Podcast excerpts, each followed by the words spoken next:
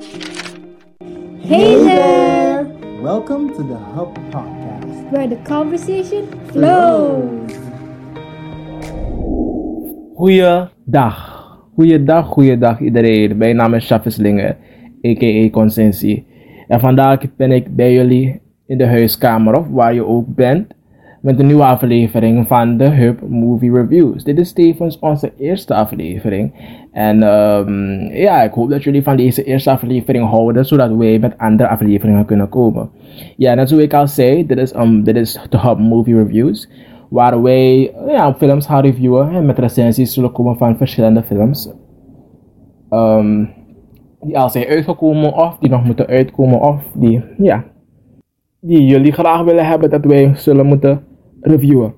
En um, ja, en vandaag zullen we een film reviewen en de naam van deze film is The Boy in the Striped Pajamas. Deze film is geproduceerd door Miramax en is gebaseerd op het boek van dezelfde naam dat geschreven is door John Boyne. Deze film heeft van een paar sterren, namelijk Asa Butterfield. Hij is, hij is de hoofdrolspeler van deze, deze film en hij speelt de achtjarige Bruno. Naast los van hem heb je ook uh, Jack Scanlon, die Small speelt, dezelfde achtjarige Jood, die opgevangen is in een concentratiekamp. Natuurlijk heb je ook de Vera Farmiga, die Elsa speelt, en David Toulis, die Ralph speelt. Zo, andere movie facts. Deze film speelt zich ook af tijdens, laten we zeggen, deze film speelt zich af tijdens de Tweede Wereldoorlog in Duitsland. En um, ja, waar gaat het verhaal over? Het verhaal gaat over een commandeur die wordt gepromoveerd tot de leidinggevende van een concentratiekamp. Um, en voor zijn werk moet hij samen met zijn familie verhuizen. Wat hij echter niet vertelt is waarom, waar ze eigenlijk naartoe verhuizen. Wat eigenlijk de reden was dat ze naar daar moesten um, verhuizen. Echt, de echte reden was waarom ze naar daar moesten verhuizen. En um, ja, hij gaat met zijn familie naar daar, zijn vrouw en zijn twee kinderen. En, um, en, en het overgrootste deel van het verhaal speelt zich daar af op locatie. De locatie is, uh, de, laten we zeggen, het huis is niet zo ver van een, van de concentratiekampen.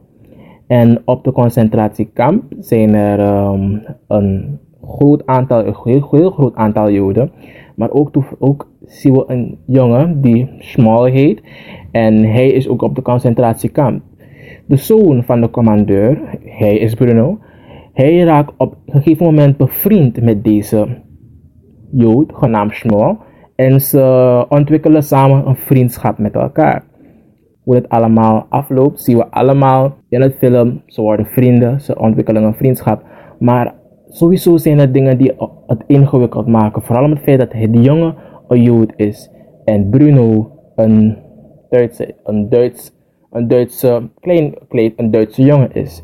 Waardoor de relatie van hun gecompliceerd wordt, hoe meer ze er bewust van worden. En ja, hoe dit allemaal afspeelt, zien we allemaal in het verhaal.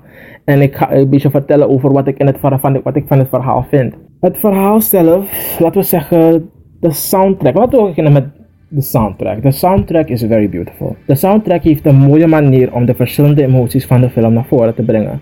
Vanaf het begin tot het eind zijn er momentjes, zijn er momenten in, het film, in de film waar je kan zien, waar je kan horen hoe bepaalde momenten worden gekarakteriseerd, of laten we zeggen, um, worden geuit door de muziek die speelt op de achtergrond.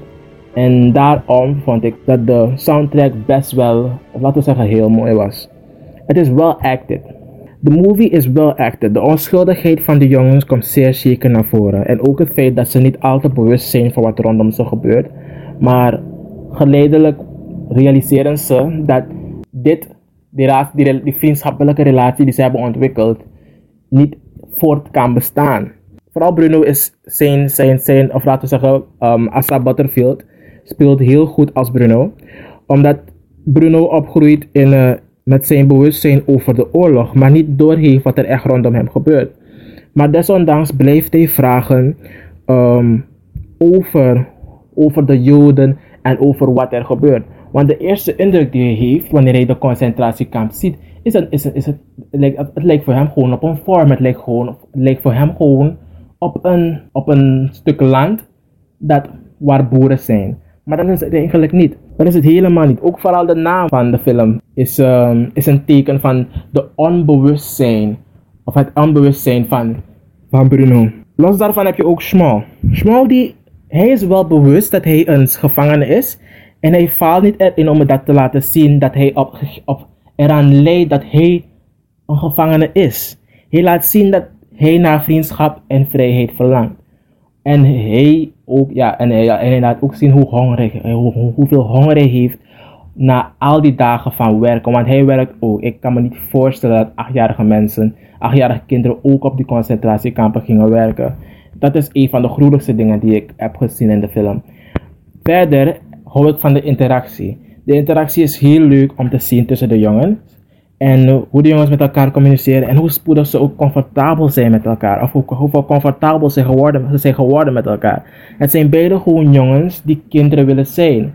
Maar natuurlijk moet je naar beide, moet je naar beide kijken. Want beide hebben een erge, um, een erge childhood, zou je kunnen zeggen. De ene erger dan de andere. Je kon je zo kunnen zeggen, de ene erger dan de andere. Maar ze zijn beide erg. Bruno wordt opgevoed in Nazi, in Nazi-Duitsland je ziet ook duidelijk hoe hij wordt opgevoed. Welke gedachten over Joden worden, uh, gevoed, aan hem worden gevoed.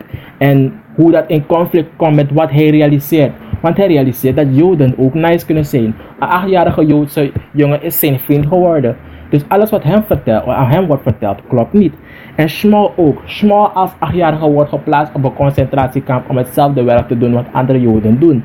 En ik kan me niet echt, nou dat is hoe ik al eerder zei, ik kan me niet voorstellen dat jongeren, dat kinderen al op die leeftijd al op concentratiekampen waren. Laat je echt zien hoe, hoe de mensheid toen was. De film laat zien hoe de scholing over oorlog plaatsvindt. De, hoe kinderen opgroeien in een omgeving die ze opvoedt met haat voor Joden en adoratie voor Adolf Hitler. Dus zo te zien is dat is vanaf kleins af, is het vanaf kleins af zo dat er velen um, waren gebrainwashed om met haat te leven en haat vooral voor Joden. Echter is Bruno tot de ontdekking gekomen dat wat hem verteld werd, net als ik al eerder heb gezegd over Joden, niet klopt omdat hij dat zelf ook meemaakt. De familie zelf die naar daar verhuist, naar die locatie verhuist die dichtbij is van die concentratiekamp, um, heeft ook eraan te lijden. Los van de soundtrack zijn er momenten in de film die zich afspelen op de achtergrond en laat zien dat de familie die daar naar huis is, die niet daarnaar is, naar die locatie is verhuisd, um, hoe die familie is omringd door zoveel horror en zoveel tragedie. Dit zijn een van de momenten in de film waar kijkers zich echt ongemakkelijk zouden voelen. Waar kijkers echt zouden zeggen van wauw, ik kan me echt niet voorstellen. Dat kan ik me echt niet voorstellen. En uiteindelijk kan er gezien worden dat die omgeving moeilijk wordt voor de familie. Vooral de vrouw en de moeder van Bruno en de vrouw van de commandeur, um, die tevens de vrouw van de commandeur is. Je ziet ook aan haar dat zij sowieso eraan, te, eraan, eraan leidt, omdat ze haar kinderen niet in die omgeving wil opvoeden. En ze wordt met de dag bewust van het feit dat haar man haar niet de waarheid heeft verteld over waar ze nou eigenlijk naartoe zijn verhuisd. Hoe het verhaal, however, zich afspeelt, is iets dat potentiële kijkers van de film um, dat, dit, dat hoe het zich verder afspeelt, is iets dat ik verder aan de kijkers zal overlaten. Want er zijn potentiële kijkers van die film die ernaar willen kijken en ik wil dit voor ze spoilen. Mijn advies is om niet een verhaal vol van blijdschap te verwachten. En die end is deze film heel sterk, ondanks het soms je op je ongemak kan laten voelen. Maar kijkers zullen er wel stil, stil bij staan. En dat, dat weet ik zeker. Om het feit dat dit op grote schaal gebeurde. En dat dit een gruwelijk verhaal is. En een gruwelijk deel is van ons menselijk verleden. At the end of the day guys. Deze film is een aanrader voor mensen die um, in, into, into history zijn. Into the facts of history. En een beetje meer willen weten over wat er eigenlijk gebeurde. Het is ook een mooi verhaal, emotioneel verhaal, dat ga ik je eerlijk zeggen. En um, yeah, it's once in, it's a once in a lifetime movie. So the movie you watch once, don't forget about it, but really just it's there in your thoughts and you're aware of what happened once. So guys, I'll give this movie a 9 out of 10 because this movie is really it's a really touching movie, a strong, solid 9 out of 10. Thank you guys. Ik zie jullie bij de volgende aflevering van de Hub Movie Reviews. Ik ben je boy Consensie. Tot de volgende keer. Bye bye.